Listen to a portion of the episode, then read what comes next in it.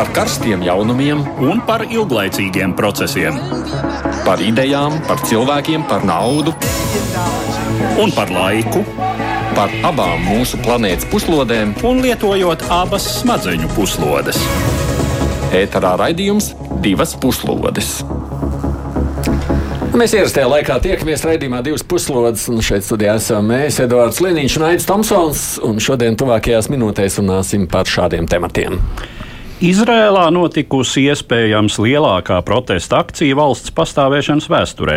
Ap pusmiljonu cilvēku sestdien izgāja Izraēlas pilsētu ielās, lai paustu savu attieksmi pret valdības iecerēto tieslietu sistēmas reformu. Vai tiešām Izrēla virzās autoritāras valsts virzienā, kā to apgalvo opozīcija? Ķīnā oficiāli uz trešo termiņu prezidenta amatā ir apstiprināts kompartijas līderis Sīdziņpins. Valdībā ir veikts būtisks pārmaiņas, bet Ķīnas jaunā politika raisa bažas rietumos. Mēs ielūkosimies pēdējo dienu ziņās no Ķīnas un Ķīnas ambīcijas liek rīkoties rietumvalstīm.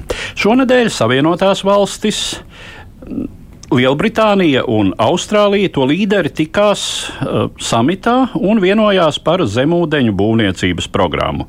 Austrālija grasās iegādāties vairākas kodolzemūdens, un tas jau izraisīs asu Pekinas kritiku. Kopā ar mums studijā Rīgas Traģiņu Universitātes politikas zinātnes doktorantūras vadītāja, Ķīnas studiju centra direktora un Aleksandra Bērziņš Arenkova. Labdien! Sveicināti! Būs mums raidījumā laikā arī sazvanīšanās, un būtu vēl viens temats jāpiemina - Krievu notiektais ASV izlūkošanas drons virs Melnās jūras. Tur gan eksperti saka, ka nekādas sekas nebūs, tam drīzāk tāda politiski, politiski mērķi, nevis kas cits. Ko sakāt par šo incidentu? Nu, ASV tā atturīgi. Viņi teica, ka Krievi rīkojušies neprofesionāli. Man šķiet tāds interesants vārds. nu, jā. Jā. Nu, jā, jo tā Krievu kara lidotāju rīcība, kuru acīm redzot tas drons arī ir fiksējis, eh, ir tiešām bijusi tāda, nu, vairāk uz izrādīšanos. Viņi tur degvielu izsmidzinājuši. Uh, Esot dažādos veidos mēģinājuši un, tā, tā, tā. Jā, nu, visādos veidos, un tad beigās uh, izdevies izdevies, nu, kas vispār ir tāds arī diezgan bīstams manevrs. Bojāt, eh, izdevies sabojāt tā drona propelleru notiecīgi. Mm. Tas ir nokritis uh, Melnajā jūrā. Bet, jā, nu, tā kā tas ir bezpilota lidaparāts, uh, cilvēku upuru nav. Uh, nu, nekādas, patiešām nekādas daudz nopietnākas sekas Eh, kā Krievija jau ir izpelnījusies, tas neizraisīs. Nu, es arī paskatījos nu, daž, nu, šorīt no rīta dažādu ekspertu teikto par to visu, sakot, nu, iemesls, kāpēc, jo Krievija gribēja, taču varēja vienkārši nošaut viņu. Nu, kā saka, apšaudīt, tur jau nav nekāda problēma uz iznīcinātājiem tādas esot. Nu, tas ir tā, nu, tā mazliet. Nu tā, nu jā, no zēniem, zēniem sagribējās padūloties. ļoti iespējams, ka tas, starp citu, bija šo lidotāju improvizācija, tā sacīt, nu, parādīt nu, klasi. Vairums jau teica, ka, protams, tur nu, tie, tie, tie droni jau atrodas pastāvīgi. Ja, tā ir tāda, nu tā, tā lieta, kas tur ir bijusi gadu gadiem, un nekas nav mainījies. Vienkārši šajā brīdī, acīm redzot, kāds politisks nu, kā aicinājums, nu, ir sekot lēmums bijis, ka viņš jānotriec, zinot, ka tādā ziņā tur nekas nemainīsies, bet tā esot. Nu, tāda iespēja. Nu, pirms izaicināt amerikāņus uz sarunām, kas tagad notiek, kurš gribēja, negrib. Ne? Nu, jā, pievērst sev uzmanību, uzmanību. lai gan. Uh, nu, teiksim, ne, nekādus lielus politiskus iegūmus šādi arī panākt nevar. Gan, nu, jebkurā gadījumā ir skaidrs, ka tur šādas nekādas būtiskas sekas nebūs, bet nu, izmeklēts šis incidents, protams, tiks, un tad redzēs, kāda būs atbildes reakcija. Bet mēs turpinām par Izrēlu.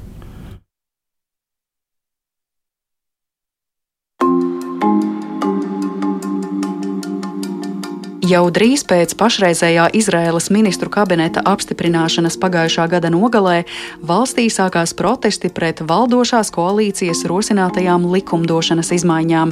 Tās paredz pirmkārt nozīmīgu Izraēlas augstākās, respektīvi konstitucionālās tiesas vājināšanu. Līdz šim tiesnešus, to skaitā augstākajā tiesā, amatā iecēla komiteja, kuru veidoja amatā esoši tiesneši, Izraēlas advokātu asociācijas parlamenta un valdības pārstāvji, pie kam visu pušu ietekme komitejā bija līdzsvarota. Jaunā likumdošana paredz padarīt valdību par dominējošo procesā, attiecīgi tiesu vara kļūtu daļēji atkarīga no izpildvaras. Tāpat tiek būtiski paaugstinātas prasības likuma noraidīšanai augstākajā tiesā, proti kvorumam nepieciešama pilnīgi visu locekļu piedalīšanās un četrām piekdaļām jānobalso pret attiecīgo likumu. Pie tam paredzēts, ka parlaments, Knesets, tomēr var no jauna virzīt un pieņemt likumus, kurus augstākā tiesa atzinusi par nekonstitucionāliem. Ministru juridiskos padomniekus, kuri līdz šim bija neatkarīgi eksperti, paredzēts nomainīt ar ministru pakļautībā esošiem ierēģiem, kuru ieteikumi valdības locekļiem būs daudz mazākā mērā saistoši augstākās tiesas priekšsēdētāja Estere Hajuta un valdības juridiskā padomniece Gali Baharava Miara jau nodēvējušas valdības iniciatīvas par pretiesiskām. Februāra vidū, kad izmaiņas tika pieņemtas pirmajā lasījumā, Izraēlas prezidents Itshaks Hercogs aicināja valdību apturēt procesu un rūpīgāk diskutēt jautājumu.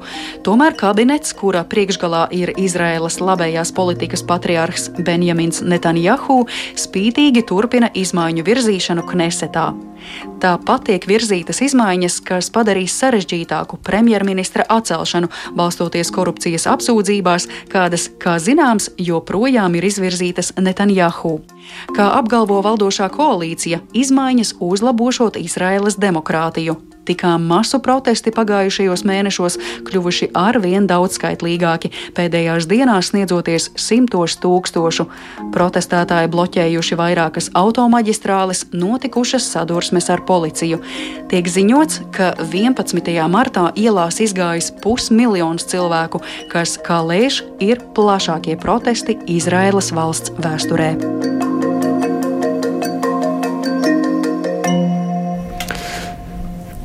Kāpēc? Tas jautājums, protams, Izraels valdība grib īstenot nu, tik apšaubām to tiesu sistēmas reformu. Tas viss tikai, tikai Benjamina Netanjahu dēļ. Edvard? Nu, droši vien, ka ne tikai viņa dēļ, lai gan viņš ir ļoti nozīmīgs faktors. Mēs uh, vairākus gadus vērojam, kā Izraēlas politika mokās ar šo situāciju, kad uh, ar diezgan uh, nepatīkamām apsūdzībām apkrauts politiķis. Tajā pašā laikā ir domājams, kā politiķis, kā indi individuāla personība, ir populārākais Izrēlā. Viņa partijai ir lielākā ietekme proporcionāli. Nu, tā tad uh, tā Izraels uh, politika svārstās starp šo piedienīguma mm, jautājumu un mm, teiksim, aizraušanos ar tādu mm, nu, harizmātisku, spēcīgu politiķu, kāds ir Netanjahu. Bet, protams, tur ir arī droši vien citi motīvi. Nu, pašreizējā koalīcija sastāv no teiksim, Netanjahu partija ir salīdzinoši šai koalīcijā viskreisākā. Tā ir labēja partija. Pārējās visas ir radikālāk labējas vai un uh, tradicionālistiski, ortodoksāli um, jūdeistu partijas, kas ir uh, orientētas, protams, uz uh, nu, teiksim, tā ultrakonservatīvu politiku. Mm -hmm. Un šādai politikai ir tendence nonākt pretrunā ar uh, vispārējiem demokrātijas un tiesiskuma principiem, kā mēs to redzam arī Latvijas politikā. Nu, tas ir tajā brīdī, kamēr tu esi pie varas, tikmēr tas tev ir izdevīgi. Tā, kad tu neesi pie varas, tas mūžīgi tas neapmierināts. Jā, jā, bet nu, nu, šajā gadījumā, acīm redzot, šī koalīcija mēģina izdabūt cauri tās prāt uh, nepieciešamus noderīgus labojumus, mm. nu, kas, manuprāt, arī tā uz, uh, uzlūkojot to visu no malas, ir, ir apšaubāmi no demokrātijas un tiesiskuma mm. viedokļa. Nu, tur tajā ierakstā minētie virknes pārmaiņas tiešām liekas saraut pieru. Ko jūs sakāt? Un, es uzreiz papildināšu, Edardu, ne tikai Latvijas, jo e, paklausoties e, intervijas ar protestētājiem, viņi saka, šis ir globāls fenomens, e, tradicionālo vērtību dominē dominēšana pār plurālismu. To mēs redzam ASV, to mēs redzam Polijā. To mēs redzam Ungārijā, Krievijā, un mēs negribam to pie mums. Tāpēc nu, šī ir tāda varbūt uh, uh plašāka, plašāks fenomens, atbilde tradicionālismam. Bet nu, tās dažas valsts, kuras jūs pieminējāt, nu, tās tur ir ļoti raibs aina. Te, tās bažas ir par iespējams Izraels došanos tādā autoritāras sistēmas virzienā. Ir tādas bažas skatoties uz visu to, nu, kas notiek. Ar tik varenu, spēcīgu un skaļu vidusšķiru gribētos cerēt, ka tas neizdosies, jo galu galā tas, tā, tās prognozes, kuras bija pirmie protesti, izskanēja, ka, nu, ka šis tomēr ātri vien izkurtēs, ja, un cik nu tie cilvēki ies, bet mēs redzam, mm -hmm. ka mhm. tie pieņems spēkā. Nu, es neesmu Izraels eh, politikas speciālists, bet es esmu optimists. Nu jā, no tāda skatu punkta. Un tā, ko tu domā par šo autoritārās valsts draudu? Nu, tam tā nevajadzētu notikt, eh, jo patiešām Izraēlai ir demokrātijas tradīcija, kuru tā ir pasargājusi, nosargājusi ļoti sarežģītos laikos, kad valsts faktiski desmit gadiem dzīvo aplenkuma situācijā, te jau pastāvīgā kara stāvoklī ar iekšējiem nemieriem, ar ārēju apdraudējumu. Nu, tātad šādā situācijā demokrātiju saglabāt ir grūti. Ja Izraela to līdz šim ir izdarījusi, nu, tam nevajadzētu mainīties šodien. Es domāju, nu, Izrēlā arī ir tomēr sabiedrība, kas pamatā orientējas uz rietumu vērtībām. Bet nu, mēs redzam, ka jā, salīdzinoši nenobriedušās demokrātijās un Izraela nu, ir teiksim, tā vidējas brieduma pakāpes demokrātija. Protams, no, pat valsts jauna. Uh, nu, jā, salīdzinoši jauna, un uh, tai, protams, ir ilgāka demokrātijas pieredze nekā teiksim, Latvijai. Mm. Bet nu, tajā pašā laikā salī, salīdzinot ar Rietumu Eiropu, ar Savienotajām valstīm, um, nu, tā, ir, tā ir salīdzinoši jauna. Un, uh, kā jau un arī ļoti precīzi norādīja, nu, tā ir šobrīd globāla tendence kad cilvēkiem, un ļoti saprotam tendence, eh, nu, mēs piedzīvojam ne tos vieglākos laikus. Uh, ir bijusi pandēmija, tagad Eiropā plosās karš. Un šādos laikos cilvēkiem ir tendence uh, drīzāk novērtēt stabilitāti un nu, tādu sabiedriskās dzīves nesatricināmību, stingrus rāmjus. Nu, kāds var beidzot pateikt un izdarīt. Un nevis tur eh, visdrīzāk, eh, visdrīzāk, ka daudziem cilvēkiem patīk situācija, kad viņiem varbūt neviens neko īpaši neprasa. Eh, attiecīgi, viņiem nav jāuzņemas arī pat morāla atbildība par to, kas notiek. es to pamatā skaidrotu šādi. Mēs esam šobrīd sazvanījuši Izrēlā dzīvojošo Jakobu Luftu. Luftkungs, labdien! Labdien, Erzavans, jā. Ko jūs sakāt par to, kas šobrīd notiek Izrēlā ar visu šo? Nu jā, mēs atceros, mēs pēdējo reizi jums runājām eh, uzreiz pēc vēlēšanām, kas bija pagājušā gada novembrī. Un tad uh, uzvarēja partija Likud, par ko bija runa. Uh, ļoti interesants tāds fakts, ko es gribētu varbūt pieminēt. Šis partijas Likud saknes atrodams 1923. gadā Rīgā. E, par to var parunāt citreiz, bet e, tā šogad simts gadus, kad tā kustība bija dibināta Rīgā. Ja. Aha, e, šis, jā, man liekas, ka tur šādas tādas saknes var sameklēt Izrēlā, no Izraēlas Rīgā. Jā, jā, jā, tas jā. ir tā beita kustība, kas bija dibināta simts gadus atpakaļ. Kalnu? Ah, jā, jā, bija jā. Pas, jā, turpin, nu, jā. jā, turpiniet. Jā. Kas, mm -hmm. kas notiek Izrēlā? E, vēl pirms tā, e, tās, var teikt, tās juridiskās reformas, par ko jau tagad runa, Izraels e, iz, sabiedrība bija sadalīta starp tiem, kas, e, nu, tā kā, e, raksta Bibi, tikai Bibi Netanjahu, viņš ir tas labākais premjeras, kas varētu būt Izrēlā, un otra puse, apmēram 50%, kur izstājas ar citu. Jā, tad, e, tādu arī noteikti. Tikai nebija, e, raklobība. Un kad, e, e, kas ļoti interesants fakts, ne, ne pats Bibi Netanjahu piedāvāja šo reformu, tur bija pavisam cita politika no, vis, no viņas partijas. Par šo e, e, reformu, jā, juridisko reformu, var teikt, ka e, bija tā, ka ne tikai Likud partija to atbalstīja, par e, to, ka reforma ir vajadzīga, runāja arī daudz no tiem partijas līderiem, kas tagad atrodas opozīcijā. Bet, nu, viņi, protams, negrib tik e, stipru, jā, tik stingru, tik e, e, plašu reformu, ko tagad piedāvā. Bet e, pēc tās e, reformas pasludināšanas e, var teikt, ka ne, mēs atgriezāmies atpakaļ uz, uz to laiku pe, periodu, kad nu, vēl pirms, pirms e, vēlēšanām, kad viņi atkal tie, kas bija par Bibi un pret Bibi, Un tagad, nu, tie, kas eh, pret Bībeli, it kā viņi zaudēja vēlēšanos, bet, nu, it kā tagad viņiem ir otrā elpa, un no viņas puses e, mēs tagad esam tādā, e, nu, laika posmā, kad e, gal galā e, tā, tā, tā, tā, tā koalīcija, kas, kā bija teiks, no vienas puses, tas ir Likud partija, kas ir kā viss e, kreisāk, e, viskreisākā tagad tajā, tajā koalīcijā, ja, tā kā tālāk par viņiem tā kā, e, e, Hudlu, tā kā Nacionāla apvienība un divas radiskās partijas e, kopā ar Likudu. Bet e, ir tā, ka tie, kas ir pret to, pret e, e, juridisko reformu, baidās, ka e, tas kā ne tikai par reformu iet runa, e, kā viņi sauc, mēs taču negribam būt tā kā Polija un tā kā Ungārija, ja, tas, e, kur e, demokrātija nav tā kā, nu, salīdzinot ar, teiksim, Vāciju un Franciju, mēs gribam būt kā, e, kā, kā Rietumēropas valsts, ne, nevis kā, teikt, tās jaunās e, Austrumēropas valsts, kur demokrātija nav pilnā e, E, tādā pilnā vērā, tā kā, tā kā, e, tā kā, e, austrumē, tā kā rietumē Eiropa. Jāko, bet drīkst pajautāt jums šādu viedokli. Kāpēc tad vispār tā reforma ir vajadzīga? Jūs teicāt, ka tur liela daļa arī pirms tam sacīja, ka arī opozīcija gribēja. Kas tad pašreizajā sistēmā neapmierina, ka vajag Jā. kaut ko mainīt? Par to reformā teikt, atbalstīt arī šīs e, e, tagad opozīcijas līderis. E, viņš arī vēl pirms eh, vēlēšanām izteicās par to reformu.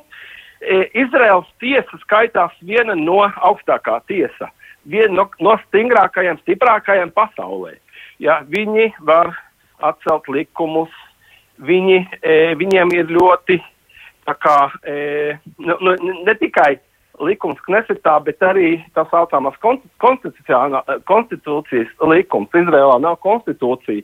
Bet eh, nu, tā kā Vācijā un Anglijā ir tā kā pamat likumi, un viņi ir pats tā, ka nu, viņi var at, eh, atteikt arī, e, arī tos pamatlikumus, ko pieņem Knesets, e, ja viņi uzskata, ka tas e, nu, ja, ja tā, tam ir pamats, ja, ja, ja, ja, ja jaunais likums, pamatlikums pretojās kādām vecām pamatām. Nu, proti, ja drīkst, es mēģināšu savilkt kaut kādas līdzības. Mums Latvijā arī, pieņemsim, strīds parādījās par satversmes tiesu un tās pilnvarām tajā brīdī, kad satversmes tiesa lēma par jautājumiem, kas skar arī vienzimumu cilvēku. Sakot, nu tad satversmes tiesai pārāk liels pilnvars, viņi lemj lietas, kas jau ir politiski lemjams. Kaut kas līdzīgs varētu būt Izrēlā, jā? Ja? E nu, var teikt, jā, e, vi, e, vi, gandrīz kā visa politiskā sistēma. E, es arī šodien jau dzirdēju, ka tagad iet runa par to, ka kā ir kaut kādas mm, sarunas pie prezidenta. Un e, no abām pusēm, no, no, no opozīcijas un no, no koalīcijas, e, viņi tagad nu, saprot, ka kaut ko jāsarunās, jā, jā, jā, jānāk pie kādām e, lēmumiem Problēma ir tāda, ka opozīcija no savas puses e, saka tā, nu, mēs tagad ir protesti katru nedēļu, divas reizes nedēļā, ceturtdien, un katru ceturtdienu, katru sestdienu vakarā desmitiem, pat simtiem tūkstošiem cilvēku iznāk uz ielas, un e, koalīcijas pārstāvs saka, ok, tad e, nāk, mēs varam sarunāt, varbūt kādu citu piedāvājumu no jūsu puses, jā, varbūt kaut kādu kompromisu. Bet e, kas tagad notiek? Notiek tā, ka e, katru nedēļu gandrīz tie jaunie likumi e, par viņu balso Knessetā. Un tā kā koalīcijai ir vairākums, nu, protams, tad tie visi jaunie likumi e, ir pieņemti. Ja? E, opozīcijas pārstāvs saka, tā, mēs neesam gatavi runāt, ja jūs tālāk pieņemsiet, jo tas jauns likums. Tagad jā, jā, jā, jā, jā, jā, apstājās kaut kādu, jā. Ja? kaut kādu pauzi un jāsaka runāt. Un jārunā par visu, arī par tiem likum, likumiem, kas jau bija pieņemti. Mm -hmm. e, es saprotu, ka saka, nē, nē, mēs jau, mēs jau ejam tālāk, ja gribat runāt, tad runāsim tagad jā, par par kas būs nākošais nedēļa, kas būs tagad ar jauniem likumiem. Un tas ir tā problēma, kas e, no opozīcijas viņi ļoti baidās, ka šos visus likumus jau pieņems, un tad par ko varēsim runāt tikai par to, kas būs tālāk. Ja? Nu jā. Paldies, Jakob. Mēs vienkārši saīsināšu, jo mums vēl ir cita temati. Paldies par sarunu un iespēju mazliet paskatīties uz lietām no Izraēlas puses. Jakobs Lufts, kurš dzīvojošs Izraēlā. Man tas atgādina mazliet pagājušajā nedēļā, kad mēs runājam par Gruziju, vai ne, kur gāja ļaudis ielās, sako, bet tur izdevās apturēt. Šeit jau redz likumi iet uz priekšu. Šodien, šodien, man liekas, vakarā kā Izraēlas nesats pieņēma jau to nakšo lasījumu. Nu, katrā valstī ir savas nianses, kāpēc uh, Tas būtu vesela raidījuma temats. Varbūt. Kāpēc kādā vietā protestētājiem izdodas ietekmēt politiku un kaut kur nē? Nu, process Izrēlā jau nav noslēdzies, atšķirībā no, no Grūzijas. Bet Mēs likums jau... iet uz priekšu. Bet likums iet uz priekšu. Pagaidām iet. Nu, Grūzijas gadījumā jau arī jā, ir šī viena konkrētā piekāpšanās, bet uh, valdošās koalīcijas retorika. Mm -hmm tajā pašā laikā paliek tikpat karavīga, uzstājīga uz to, ka ar mums te viss ir kārtībā. Mm. Uh, nu, mēs zinām, Jā. kā, kas izskan šobrīd no oficiālās Tbilisī. Jā, nu pārmetumi, pārmetumi Ukrainai, lai nelien un nejaucās, kur nevajag, un arī bravūrīga retorika attiecībā pret uh, Eiropas Savienību. Jā, nu šis ir tā vienmēr interesants, kurā vietā ļaudis spēj ietekmēt politiku un kurā nē. Nu, kas to nosaka? Masa, ļaužu attieksme? Jā, droši vien līderība, masa, mm -hmm. pareizi formulējumi. Eh, kāds cits varbūt pateiktu arī kādi ārēji spēki. Jā. Nu, ja kurā gadījumā to, kā tas te vēl beigsies, šobrīd līdz galam nevar pateikt, tāprāt, Edvard? Nu, es domāju, ka nē. Nu, mēs jau dzirdējām, nu pat, ka tiek meklēti kompromisi. Tas nozīmē, ka, nu, saprotiet, arī um, 64 balsis no 120. Eh, tā nav ļoti, tas nav ļoti stabils pārsvars. Mm. Nerunājot par, par Grūziju vai Ukrainu, jā, arī, arī Latvijā koalīcijā ir drusku vairāk balsu. Attiecīgi, mm, visdrīzāk, lai gan idejiski nu, teiksim, šī koalīcija izskatās pietiekami vienota, bet man šķiet, jā, es arī šai ziņā drīzāk būtu optimists un skatoties uz Izraēlas tomēr demokrātijas tradīcijām, eh, visdrīzāk tas būs kompromiss. Starp citu, prezidents, prezidents Izrēlā šādos gadījumos parasti spēlē diezgan nozīmīgu lomu, un Hercogs kungs jau arī ir iesaistījies. Tas gan jā, nu, labi, sekosim jau līdz kā tur notiek. Izraēla vienkārši rāda, ko nozīmē ļaužu masas. Un, līdzīgi kā mēs ar Gruziju redzējām, tad, ja cilvēku masas iziet ielās, tad iespējams var kaut ko izdarīt. Visi nosaka, kurā brīdī ļaudis ir gatavi reaģēt. Ja mēs runāsim par nākošo valstu, tur ļaužu masas parasti ielās neiet. Un tā ir Ķīna. Pievēršamies šobrīd tālāk ziņām no turienes. 10. martā ar visu Ķīnas tautas pārstāvju kongresa balsojumu Ķīnas kompartijas ģenerālsekretārs Xi Jinpings tika apstiprināts uz trešo termiņu Ķīnas Tautas Republikas valsts priekšsēdētāja, respektīvi prezidenta amatā. Šī ievēlēšana gan uzskatāma vairāk par formālu soli, jo Ķīnā, kas faktiski ir vienpartijas valsts, būtiskā varas pozīcija ir kompartijas ģenerālsekretāra amats. Tajā Xi trešo reizi tika apstiprināts par partijas kongresā pagājušā gada novembrī. Tādējādi viņš kļuva par pirmo komunistiskās Ķīnas līderi pēc valsts dibinātāja Mao Zeduna, kurš ieņem partijas vadītāja amatu ilgāk nekā divus termiņus. Tagad, stājoties arī prezidenta amatā, viņš Mao ir savā ziņā pārspējis, jo pēdējais, kaut būdams faktiskais valsts vadītājs no 1949. līdz savai nāvei 1976. gadā, tomēr visu laiku neieņēma formālo valsts galvas posteni. Pašreizējais līderis arvien biežāk tiek salīdzināts ar pagājušā gadsimta diktatoru, kura laikā Ķīnas sabiedrība piedzīvoja graujošus sociālos un politiskos eksperimentus, kas prasīja miljonu dzīvības. Pēc Mao nāves viņa sekotājs Dens Xiaopins centās mazināt diktatoriskas varas potenciālu, ieviešot divu termiņu limitu valsts un partijas vadītājiem, kā arī striktāk nošķirot valsts un partijas varas funkcijas. Nācis pie varas 2012. gadā, Sīdziņpins ķērās pie Dena politiskā mantojuma noārdīšanas, restaurējot sistēmu, kurā partija stingrāk kontrolē valsti, savukārt ģenerālsekretārs partiju. 10. marts uzskatāms par zināmu šī procesa vainagojumu. 11. martā kongress apstiprināja arī jaunu premjerministru, agrāko Šanhajas partijas komitejas vadītāju Līciānu, kurš jau šī gadsimta sākumā kā partijas funkcionārs strādājis toreizējā Džedziānas provinces partijas organizācijas vadītāja Sī Dziņpina pakļautībā. Viņš nomainījis šai postenī līdzinējo valsts vadītāju Li Keciānu, kurš savulaik tika uzlūkots kā viens no Sī iespējamajiem konkurentiem cīņā par valsts līdera vietu.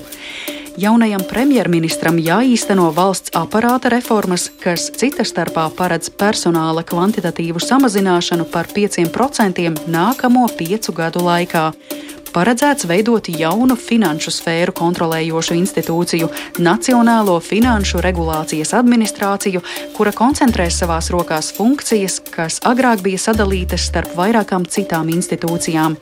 Kā norāda analītiķi, Pekina veido nozares superkontrolieri, baidoties no finanšu sfēras destabilizācijas.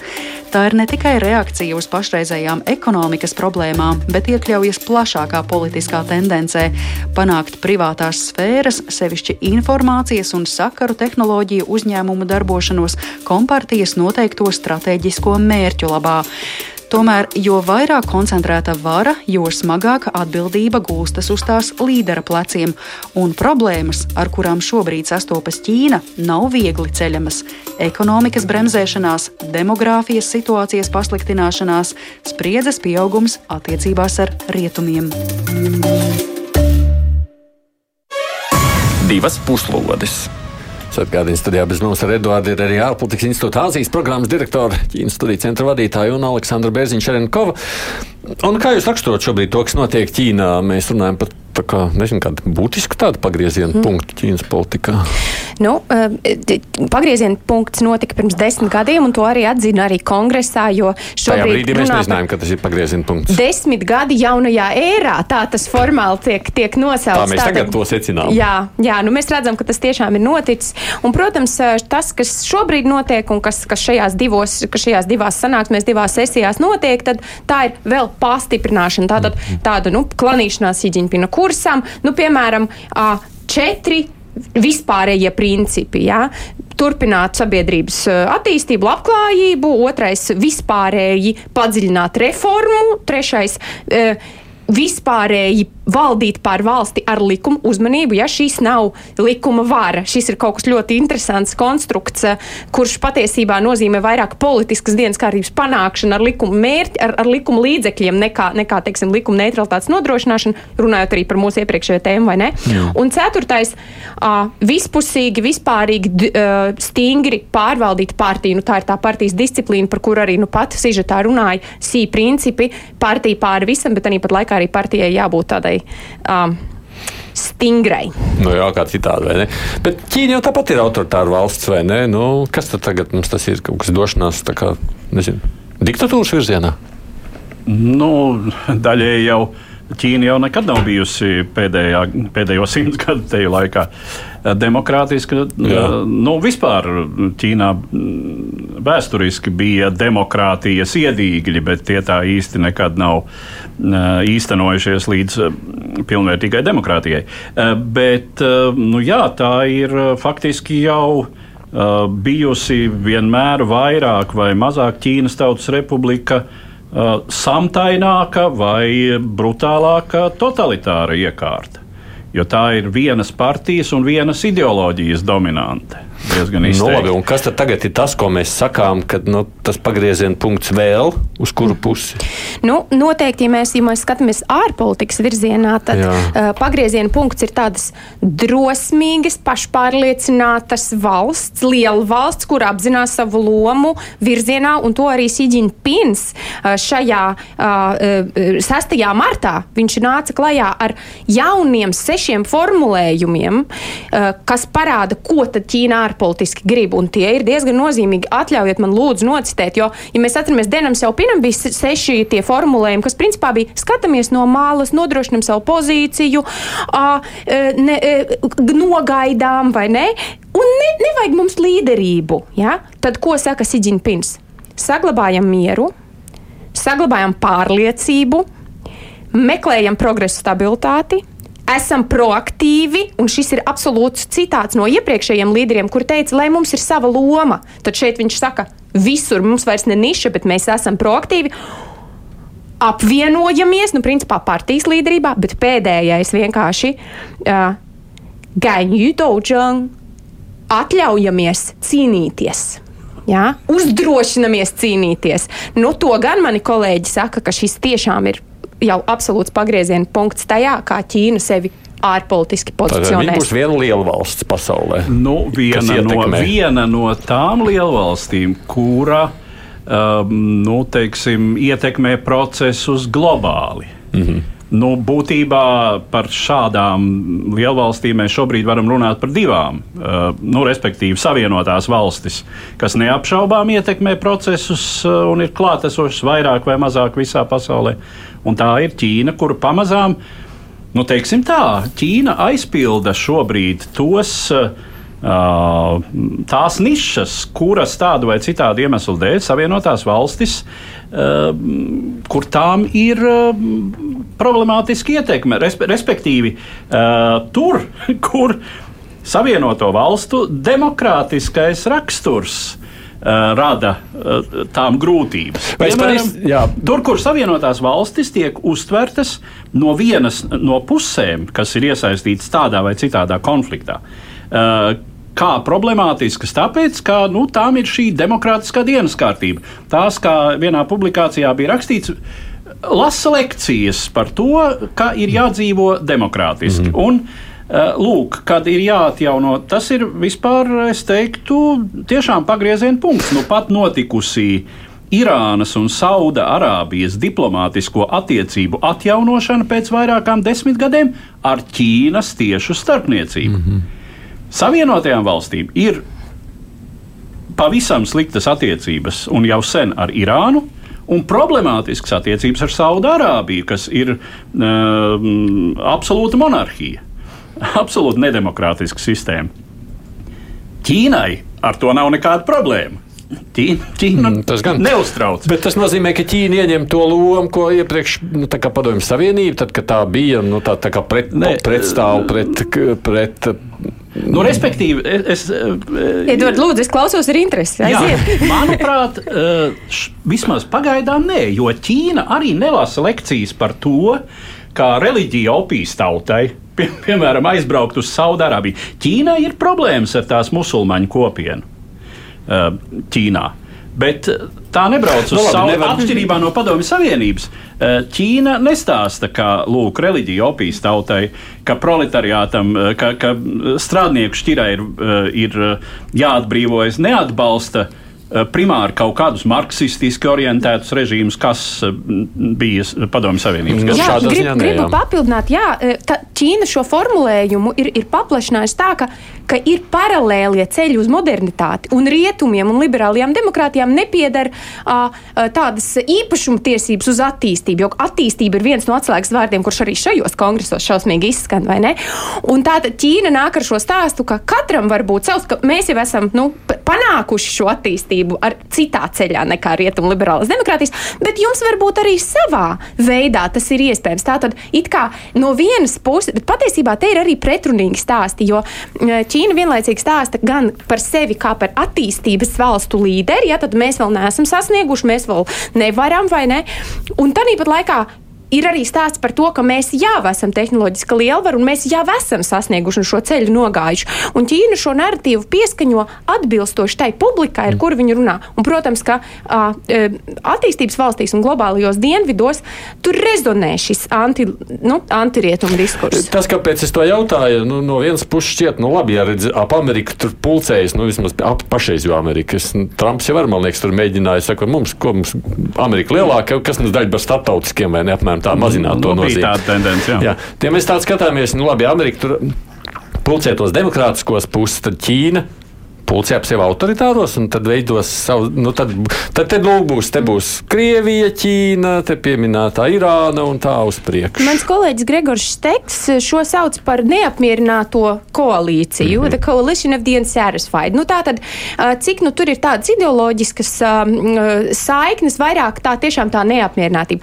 Bet ja es drīkstu lēnām iezakties tēmā par jauno premjerministru, kurš man, piemēram, ir šausmīgi interesants, tad no vienas puses mums ir Siģiņpins ar tirādēm par ASV, un no otras puses mums ir Līķjāns, kurš savā preses konferencītē, kad viņam uzdod jautājumu, pirmajā preses konferencītē savā jaunajā uh, nozīmējumā, viņam uzdod jautājumu par ASV, un viņš saka, nē, nu es jau neesmu nekāds tur ārpolitikas, tur, tur tā zinātājs, lai tur citi runā, bet godīgi sakot, man jau liekas, ka konsensus ir panākts starp Siģiņpinu un Baidenu novembrī, un es, ziniet, es esmu vienkārši venģo cilvēks, es esmu strādājis ar biznesmeņiem, un es runāju ar biznesmeņiem, tostarp amerikāņiem. Ķīnā, kas strādā, un visi jau grib, lai viss sakārtojas. Un man tas likās tik ārkārtīgi interesants ceļš, kā Ķīna tomēr turpina to sarunu ar ASV. Ir augstā politika, ir tie retoriskie šāviņi, un tad ir viens tāds līdzjāns no Venžou, no Šanhais, no Džedžans, kurš runā šādi. Nu jā, jo tās funkcijas jau Ķīnas vadībā ir sadalītas tā, ka premjera galvenais uh, uzdevums ir ekonomikas stabilitāte un attīstība. Viņš par tām saimnieciskajām lietām, mm. tāds galvenais grāmatvedis zināmā mērā, kurš, eh, kurš tiešām domā par to, eh, lai eh, primāri, nu, lai Ķīnā būtu investīcijas. Un, pan, gan pandēmija, gan Ķīnas reputācijas kritums, gan šīs problēmas attiecībās ar Savienotajām valstīm. Šīs investī, šo investīciju klimatu ir nepārprotami pasliktinājušas. Un, proti, Tagad arī vēl demogrāfiskie rādītāji. Un Ķīna, Ķīna negrib augsto karu ar, ar, ar Ameriku. Es domāju, ka Ķīna to katrā ziņā uztver daudz rezervētāk nekā savulaik padomju nu, savienība. Tā ir. Jā, jo nav šeit runa tik ļoti liela par to, kurš tad ideoloģiski, kurš kuru apglabās, vai ne? Šeit nav par to runa. Mm. Šeit runa ir vairāk, lai nezaudētu, lai turpinātu pelnīt, bet arī pat laikā Ķīnā ir šī dilemma, ja?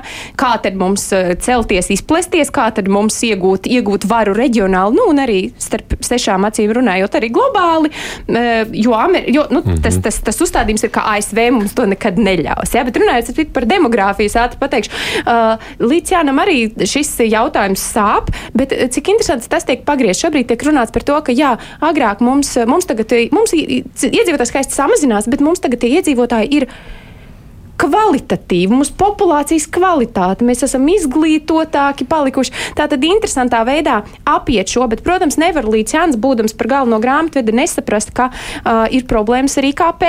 Un par IKP viņš saka tā, bet parastus cilvēks jau neinteresē IKP. Un es domāju, no šīs frāzes mēs varam saprast, ka Ķīnas ekonomiskās prognozes kaut arī tagad jau ir pazeminātas. Nu, ir tāds, man liekas, ap 5%, ja viņi paredzēja, kas nu priekš Ķīnas ir diezgan pieticīgi. Es domāju, ka būs patiesībā švakāk, un viņš mūs tam gatavo mm. un savus iedzīvotājus tam gatavojam. Bet dodoties uz priekšu, nu, galu galā rietums ir uzstāvus laikam militārās ambīcijas. Jā, tā ir. Nu, šobrīd, jā, protams, rietums uztrauc. Mēs par to runāsim mūsu trešajā nu, tematā. Nu, tās arī runāsim. Un, Protams, uztrauc šobrīd aktuāli visvairāk tas, vai Ķīna nesāks ar konkrētām ieroču piegādēm atbalstīt Krieviju. Krieviju. Nu, lūk, pirms mēs pievēršamies arī šiem aspektiem un vispār runājot par Ķīnas militāro politiku, ir vērts nedaudz arī uzmanību pievērst tam, kas notika šonadēļ tika nolemts Savienotajās valstīs.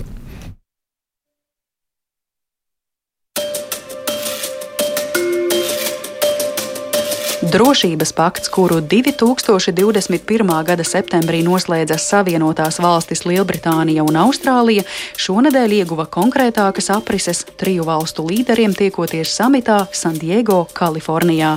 Tika oficiāli paziņots par kopīgu ar atomdzinējiem darbināmu zemūdeņu būvniecības programmu, kuras ietvaros šīs desmitgades otrajā pusē sāksies Britu zemūdeņu flotes atjaunošana un papildināšana, bet nākamās desmitgades sāksies sākumā savas pirmās atomzemūdenes iegūs Austrālija.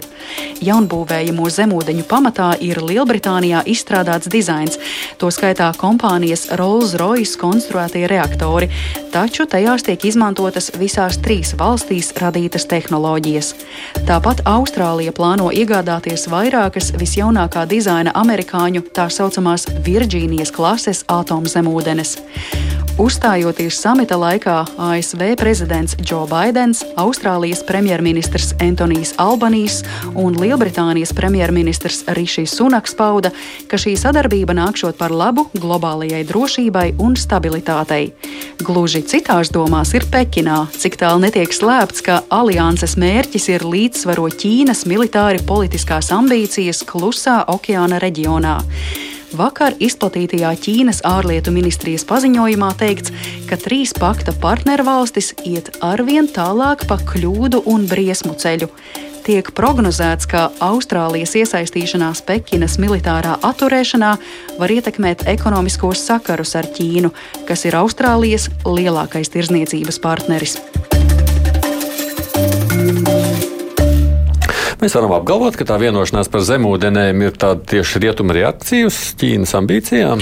Nu, jā, tiešā, tiešā veidā, un turklāt jau tās rietuma reakcijas uz Ķīnas ambīcijām ir vairākas, uh, un tās ir tās tā saucamās mikrolaterālās ASV vadītās drošības arhitektūras. Mēs esam dzirdējuši par kvādu, ja, kas, kas iekļauj arī Indiju uh, un Japānu, bet šeit tas ir tāds uh, anglosakšu apvienība, un tāpēc Ķīnai, protams, tā ir bīstamāk, jo kvāda lielais nezināmais ir Indija, un Indija īsteno tādu tādu savu nu, diezgan realismā balstītu un savās interesēs balstītu ārpolitiku. Tāpēc Ķīna it kā, jā, viņi ir dažādās pusēs, bet Ķīna daudz maz saprot modību politiku, kur pretī šeit tiešām, un ņemot vērā, ka šeit ir arī tāda tehnoloģiskā sadarbība, Ķīnu tas uztrauc. Jā. Bet, nu, taču Ķīna neapdraud Austrāliju.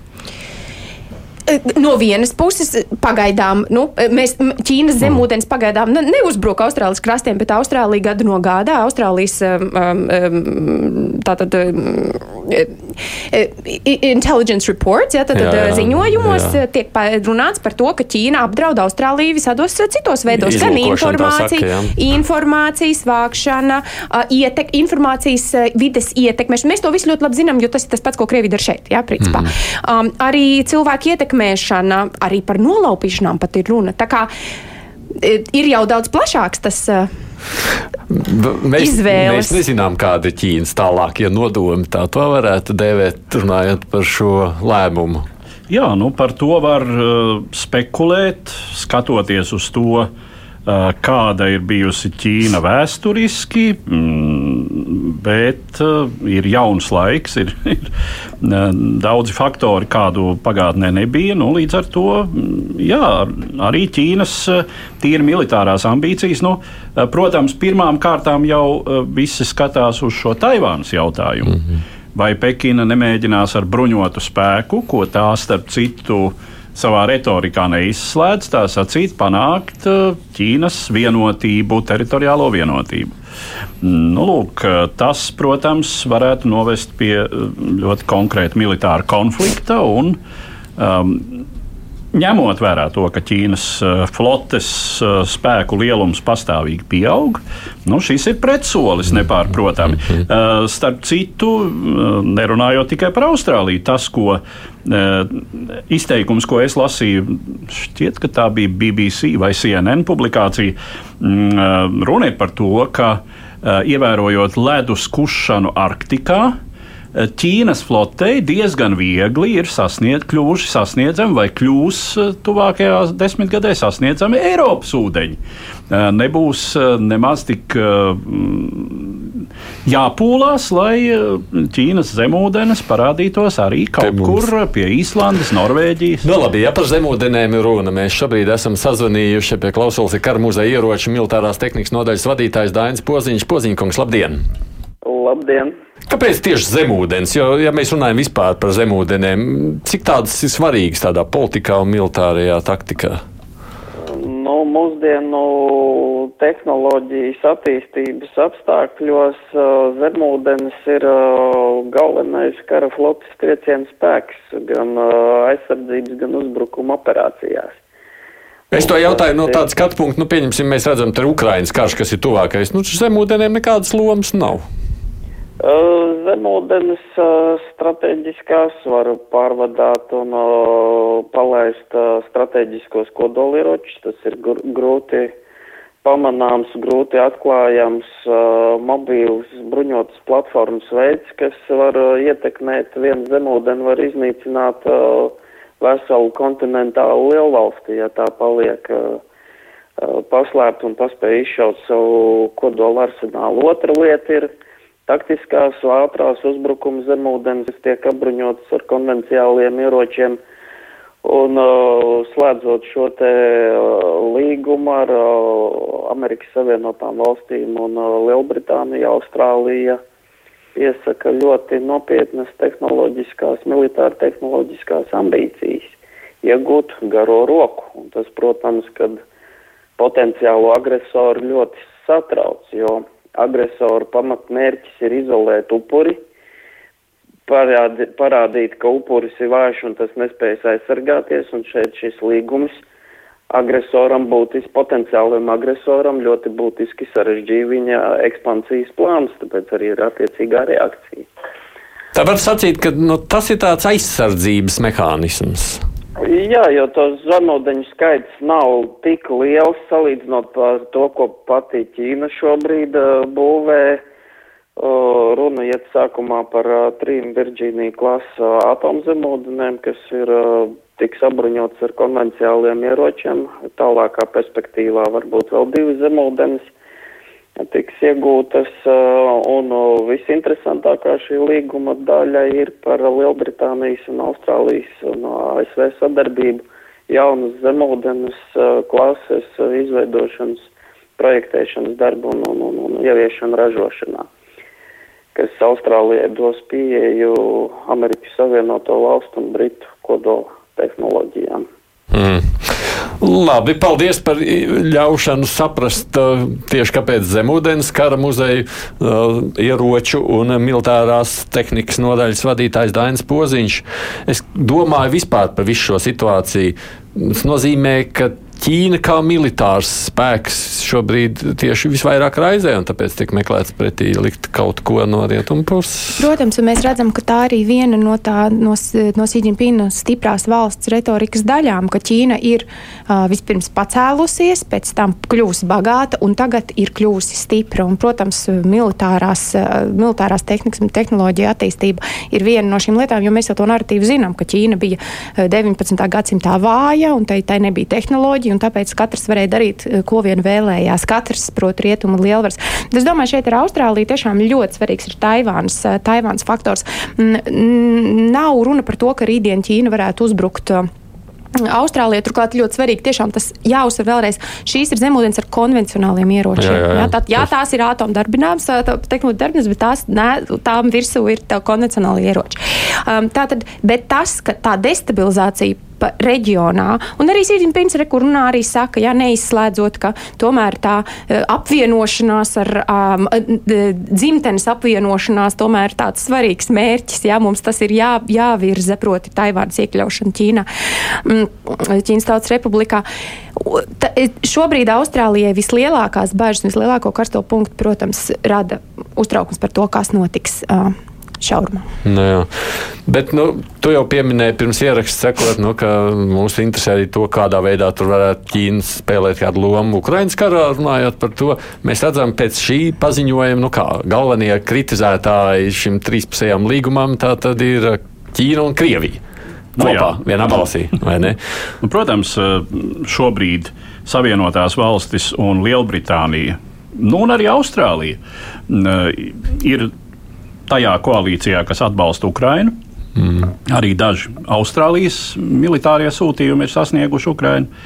Uh, attiecīgi, nu, ir, ir uh, nākamās nedēļas, es domāju, spilgts temats.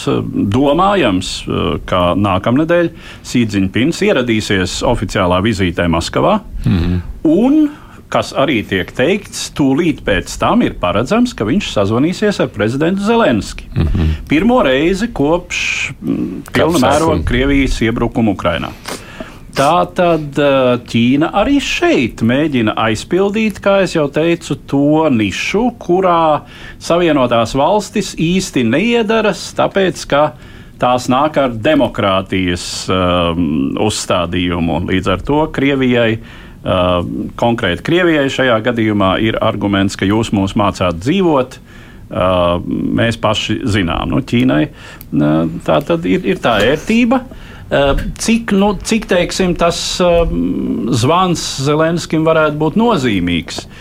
Vai Ķīnas iniciatīva šajā gadījumā nu, kaut ko var mainīt vispārējā, vispārējā Krievijas-Ukrainas kara gaitā un kaut kādā iespējamā miera panākšanā nedomāju, ka, bet nu, pieteikums ir. Bet, ja runājam par šo Ķīnu, Krieviju un Ukrainu, ko mēs jau šādi mazliet pieskaramies mūsu sarunās, nu te vienmēr ir divi aspekti. Tā, ko tad viņi īsti grib? Viņi grib palīdzēt Krievijai vai viņi grib tikai tādu vidutāju būt?